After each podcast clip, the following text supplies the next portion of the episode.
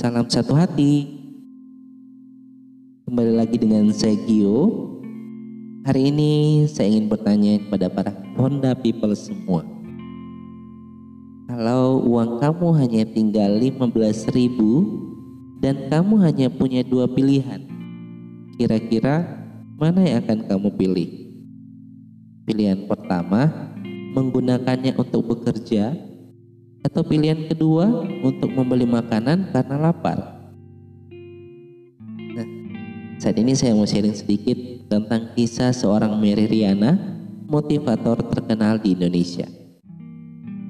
Beliau belum lama ini mendengarkan sharing dari seorang driver ojol atau ojek online yang ternyata mendapatkan pesanan makanan dari Mary Riana. Si driver ojol cerita, jadi waktu itu uang yang di dompetnya hanya tersisa 15 ribu saja.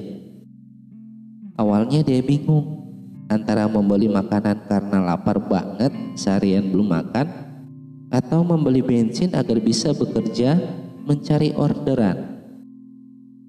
Namun akhirnya dia memutuskan untuk menahan laparnya dan membeli bensin agar bisa tetap bekerja. Dan di hari itu Ketika Mary Riana memesan makanan untuk diantarkan ke salah satu dari warriornya, beliau juga memesan satu porsi lagi untuk diberikan kepada driver ojolnya. Dan beliau juga sertakan tip untuk membantu kebutuhan sehari-harinya. Jadi, driver ojol itu ternyata tidak hanya mendapatkan uang, tapi juga mendapatkan makanan dan gak berhenti di situ saja Hari itu pun dia juga mendapatkan penghasilan dari orderan-orderan yang lain. Dan alhasil dia bercerita bahwa hari itu bukan hanya dia bisa makan, tapi juga dia bisa membeli makanan untuk istri dan neneknya sampai besok. Ini membuktikan bahwa apa pun keadaannya, selama kita masih mau selalu berusaha, Tuhan pasti akan selalu membantu. Tuhan pasti akan selalu membuka jalan.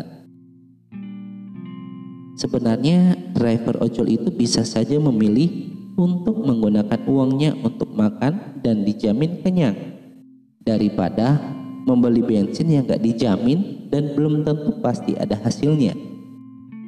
Memang tidak ada jaminan bahwa dia pasti akan berhasil, tapi saya yakin usaha tidak akan pernah mengkhianati hasil.